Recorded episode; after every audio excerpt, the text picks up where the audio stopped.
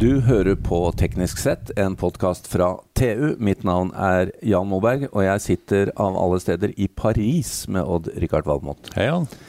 Odd-Rikard, vi er i Paris med en podkastspesial. Det er vi.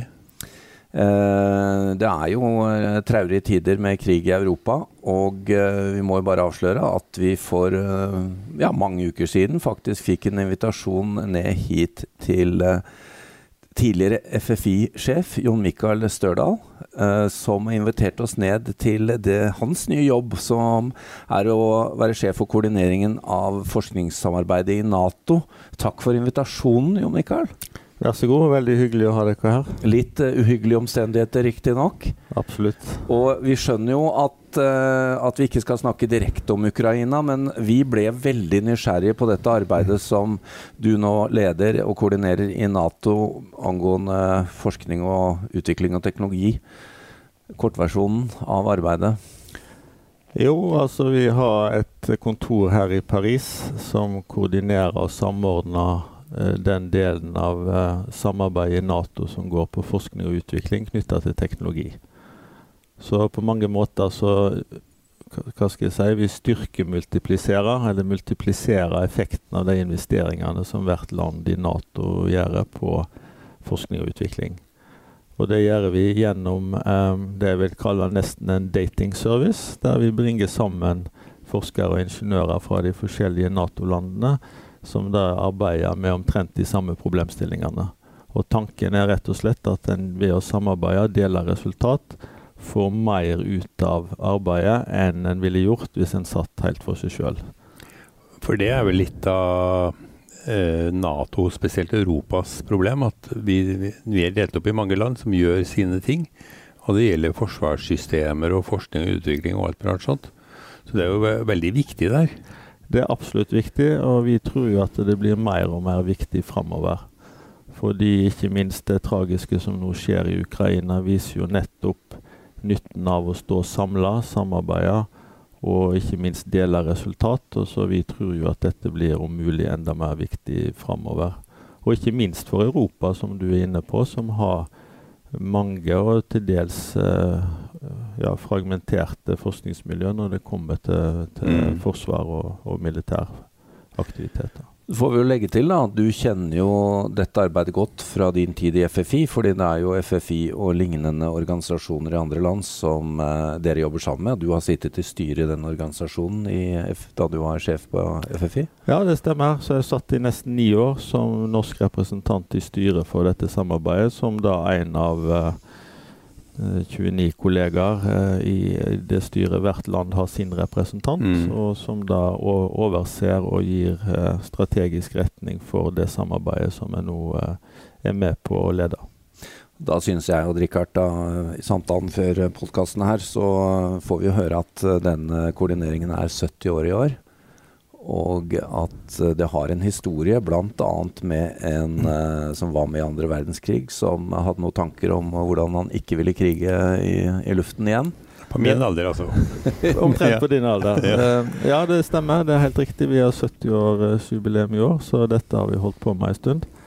Og foranledningen, som du helt riktig påpeker, det var en amerikansk luftgeneral som etter andre verdenskrig sa at han skulle aldri, aldri kjempe en ny krig der antall fly skulle være utslagsgivende. Han skulle være teknologisk overlegen enhver motstander. Det var grunntanken.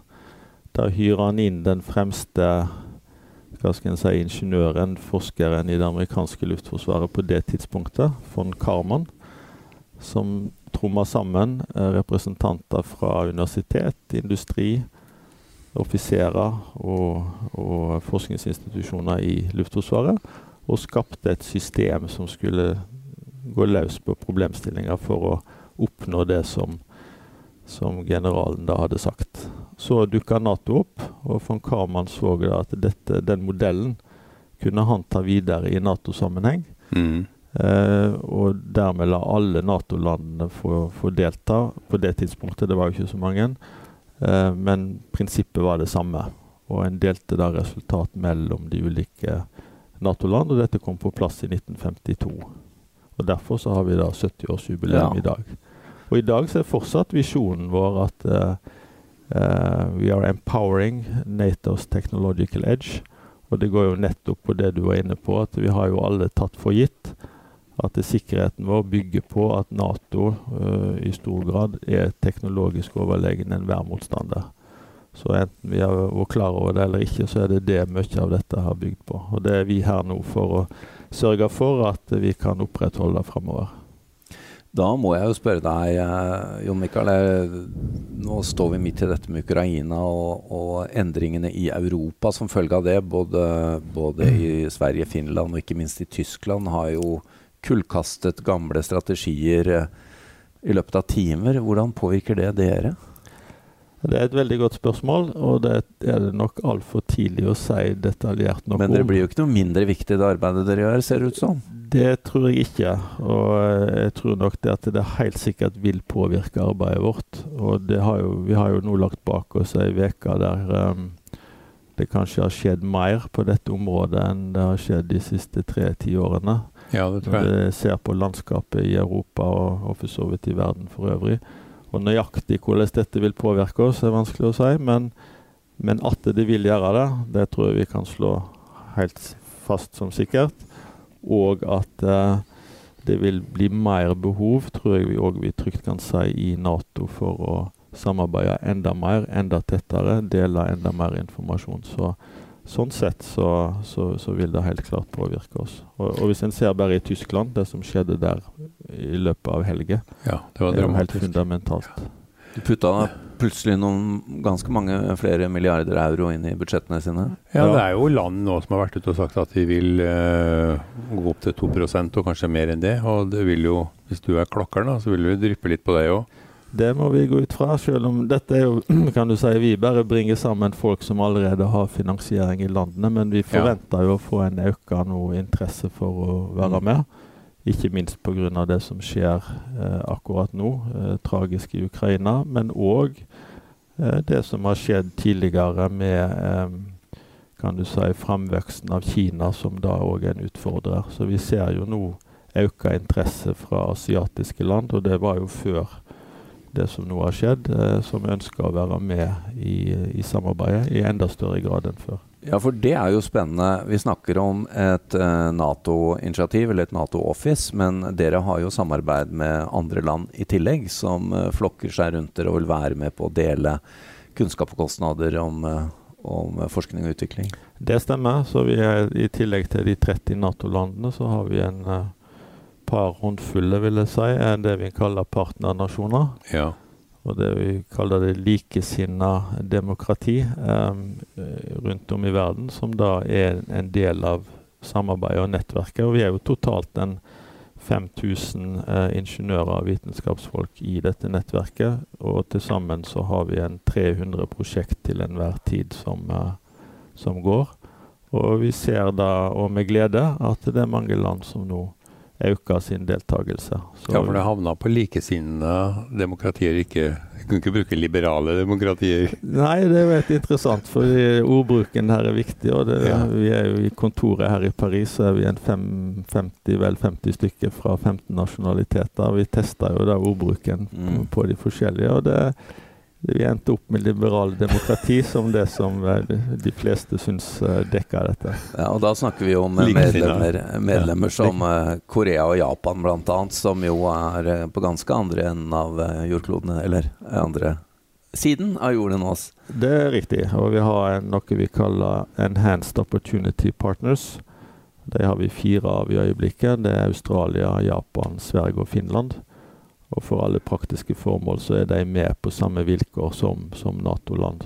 Ja. Med noen få unntak. Og så utenfor der så har vi partnernasjoner. Der har vi jo bl.a. Sør-Korea, som du nevner, og Singapore eh, og en god del andre land. Men vi må, vi må nevne Jon Mikael og Richard. Jeg ble jo litt, uh, litt overraska her over at det ikke er så lenge siden russerne var uh, invitert med på å dele informasjon også. Ja, nei, det viser jo hvor fort ting endrer seg. Altså Russland det minner om det var jo en partnernasjon til Nato.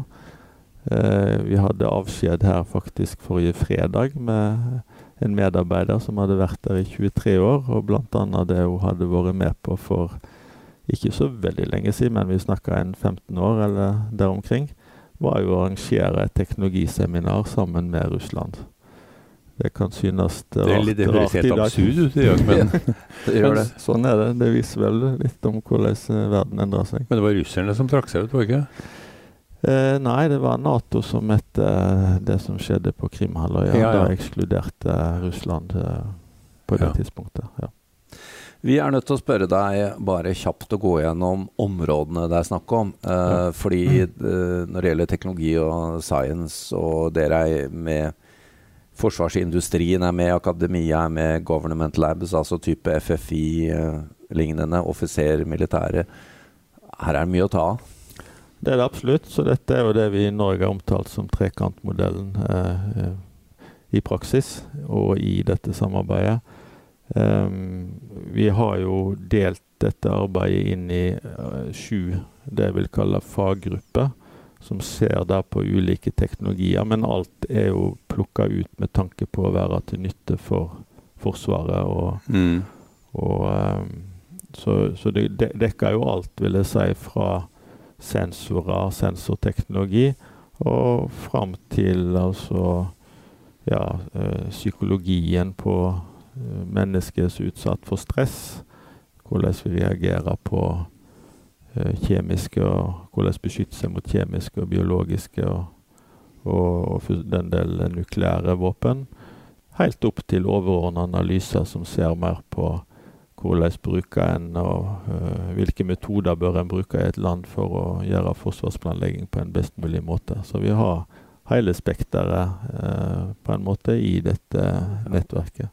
Nå blir jo, blir jo, vi ekstra nysgjerrige selvfølgelig å høre hvordan eh, Eller hvilke områder Norge og FFI har eh, hevdet seg på. Hvilke områder de har hevdet seg på i, i Nato-sammenheng i denne, denne, dimensjonen?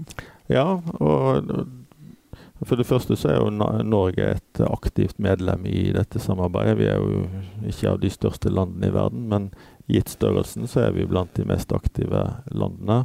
Det er veldig bra, og vi har jo hatt stor nytte av det. og Det så jeg jo i min, min forrige stilling, hvilken nytte vi hadde av for våre forskere og ingeniører å kunne dra ut og møte likesinnede, jobbe med felles viktige problemstillinger, dele mm. informasjon. Bli utfordra, ikke minst. Altså, dette var eh, Du skal ikke jobbe lenge med en problemstilling i Norge før du er nasjonal ekspert. Her får Nei. du muligheten til å møte likesinnede med kanskje enda større ressurser, enda større eh, kan du si, fagmiljø bak seg. Og sånn sett så fungerer jo dette òg som en kvalitetssikring av det arbeidet som blir gjort i, i de mindre landene. Eh, der Norge, kan du si, har hevda seg, og dette er jo òg en sånn naturalhusholdning på en måte, at vi en, en må bidra for å kunne ja. hente noe tilbake. Mm. Og så er det ikke tvil om at de, de små landene henter mye mer ut av dette enn de putter inn. Men selv et land som Storbritannia, som er av de mest aktive uh, De er vel med rundt 80% tenking av alle aktivitetene våre. De har selv kommet fram til at de har en, som de kaller return of investment, fra dette samarbeidet på en størrelsesorden 10 til 1. Og det er jo formidabelt, vil jeg si. Det er formidabelt. Uh, og jeg tror faktisk at for de mindre landene så er det faktisk enda større. Uh, og det, Hvis du går inn på teknologiområdet, så er det jo noen områder Norge er sterke på. Uh, vi har missilteknologi, undervannsteknologi. Uh, vi har nettopp leda et arbeid som er innenfor dette med beskyttelse mot kjemiske og biologiske våpen. Det var ledet av en forskningsdirektør fra FFI, som har fått stor oppmerksomhet. Mm. så ja, Janet Blatney har ledet den. Så det er flere områder Norge markerer seg på. Men så kan du si nytteverdien vår er kanskje vel så stor på områder der vi ikke har så stor nasjonal innsats, mm. men kan hente ut av nettverket resultat fra andre land på ja. områder vi sjøl Slippe å gjøre grunnforskningen selv? Nettopp. Ja. Og, og, og, så det er både å gi og ta. Ja. Og, uh, og, så er det jo eh, sivile formål. Altså du nevnte det vel. Uh, dynamisk posisjoneringssystemet f.eks. har jo også vært en, en, del av norsk bidrag. Ja, altså vi har jo sett litt på Det var jo Teknisk Ukeblad som hadde en uh, konkurranse vel for en seks-sju år siden der mm. det kåra de um, Viktigste teknologiene, ja. ja bragdene etter andre verdenskrig. Ja. Og det var vel dynamisk posisjonering som kom som nummer én, og, og missilteknologien som nummer to, så vidt jeg husker. Ja. Ja.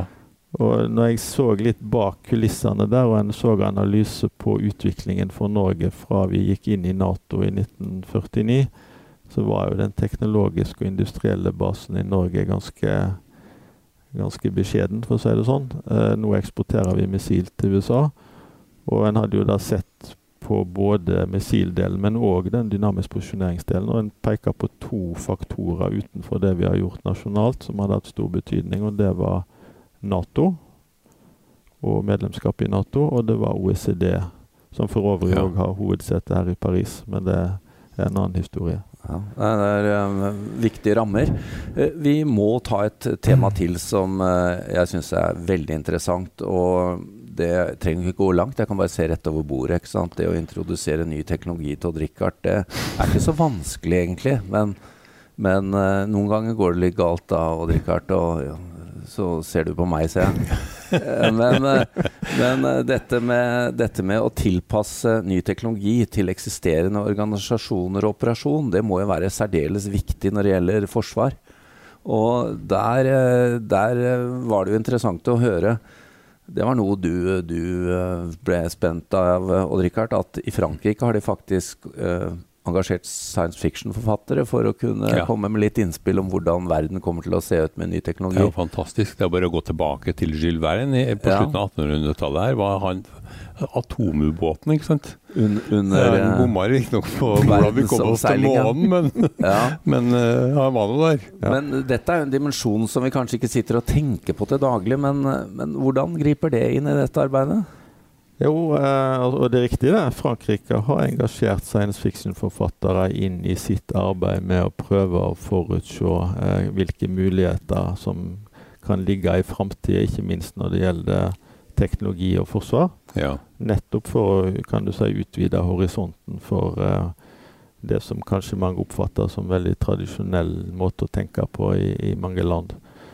Og, og, det bringer over på det andre punktet ditt. For når ny teknologi og, og da banebrytende teknologi kommer, og det gjelder jo ikke bare Forsvaret som organisasjon, det kan jo gjelde enhver organisasjon. Ja, det gjør det. det er... Absolutt. Så vil en, liksom ryggmargsrefleksen vil være å prøve å ta den inn i den eksisterende organisasjonen med den samme kompetansen og med den samme måten å operere på som en alltid har gjort.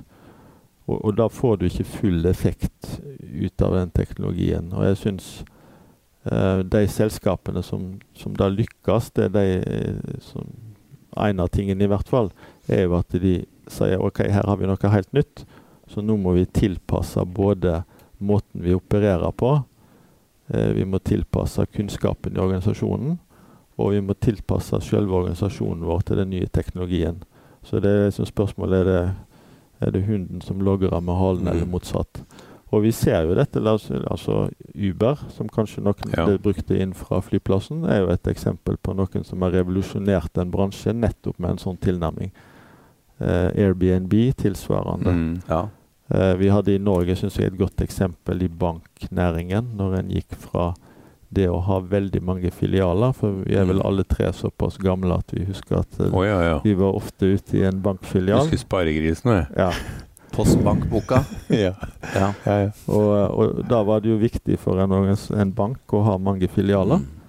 Og så kom vi, som vi alle kjenner, da, internett og nettbank og sånn. Og plutselig så var det en stor ulempe å ha, å ha alle filialene. Og, og der tilpasser en jo etter hvert, da bankvirksomheten og måten å operere på til teknologien, og ikke motsatt. Ja, da, i, i, næringslivet, og spesielt innenfor teknologi, så snakker vi ofte om uh, the Kodak moment, uh, som alle kjenner, om digitalisering av foto. Men i, på, eh, på, på si krigsstien, eller forsvarsindustrien, så er det jo snakk om uh, slagskip som overlevde for lenge, og andre eksempler, da. Ja, det er masse eksempler. Det er masse ja. eksempler også i Forsvaret der en på en måte pga gammel måte å tenke på. Konservatisme, eh, gjerne litt sånn overmot. Har har beholdt både måte å operere på og teknologi for lenge. Og så er det alltid et avveiningspunkt når når skal en skifte? Fordi er en for tidlig ute, så er ikke det bra, og er en for seint ute, så er ikke det bra. Så det å finne den rette punktet der, det, det er ikke så enkelt. Er det et, et eksempel for lytterne om, om, hva som har blitt gjort uh, sånn sett riktig? Jeg kan jo ta et eksempel som ikke var riktig etter min oppfatning. Det var jo um, slagskipene fra første verdenskrig som ble beholdt altfor lenge. Mm. Det var vel mange tegn, og det mangla jo ikke på innsikt av at dette mm. var gått ut på dato. Uh, vi hadde òg uh, motsatt ende, stridsvognen som kom under første verdenskrig. og uh, Litt upresis historiefortelling, kanskje, men iallfall så erstatta jo det i mange land hesten. Ja. Og der en tok det inn i den eksisterende kavaleriet som en slags ny hest. da. Og, mens ett land de gjorde ikke det. De sa at dette er noe helt nytt, så vi, vi tilpassa måten å operere på Eh, vi tilpassa det inn med ny kompetanse. Uh, dette er noe helt nytt. Det var jo Tyskland og leda til blitskrig. Måten mm. å tenke på. Nå var ikke det eneste elementet inn der, men, men like fullt. Og I Norge så har vi hatt et tilsvarende eksempel når vi beslutta å legge ned kystfortene. Ja, det var jo på et riktig. tidspunkt der vi hadde investert og var i ferd med å investere store summer i kystfort. Så kom presisjonsstyrte våpen, og etter og det var jo ikke uten kan du si, sverdslag og tautrekning at en da eh, tok en vil si, ganske tøff beslutning om at nå legger vi ned alle kystfortene. Det var jo ikke så mange årene etter at en faktisk hadde beslutta Det var et veldig immobilt slagskip, spør du meg. Eh, det kan du si. Det var det. Du hadde ikke mange minutter til rådighet på lista over sannsynlig levetid på en in invasjon hvis du var på et kystfort, skjønte jeg. Men uh, Jon Mikael, vi har et par temaer til. Dette går jo over alle støvleskaft tidsmessig, men vi er nødt til å ha med et par ting til her. Du, ja. eller dere er også opptatt av uh, de store teknologiselskapenes innvirkning på sikkerhetstenkningen. Og de har jo uh, store budsjetter, disse, selv i Nato-sammenligning?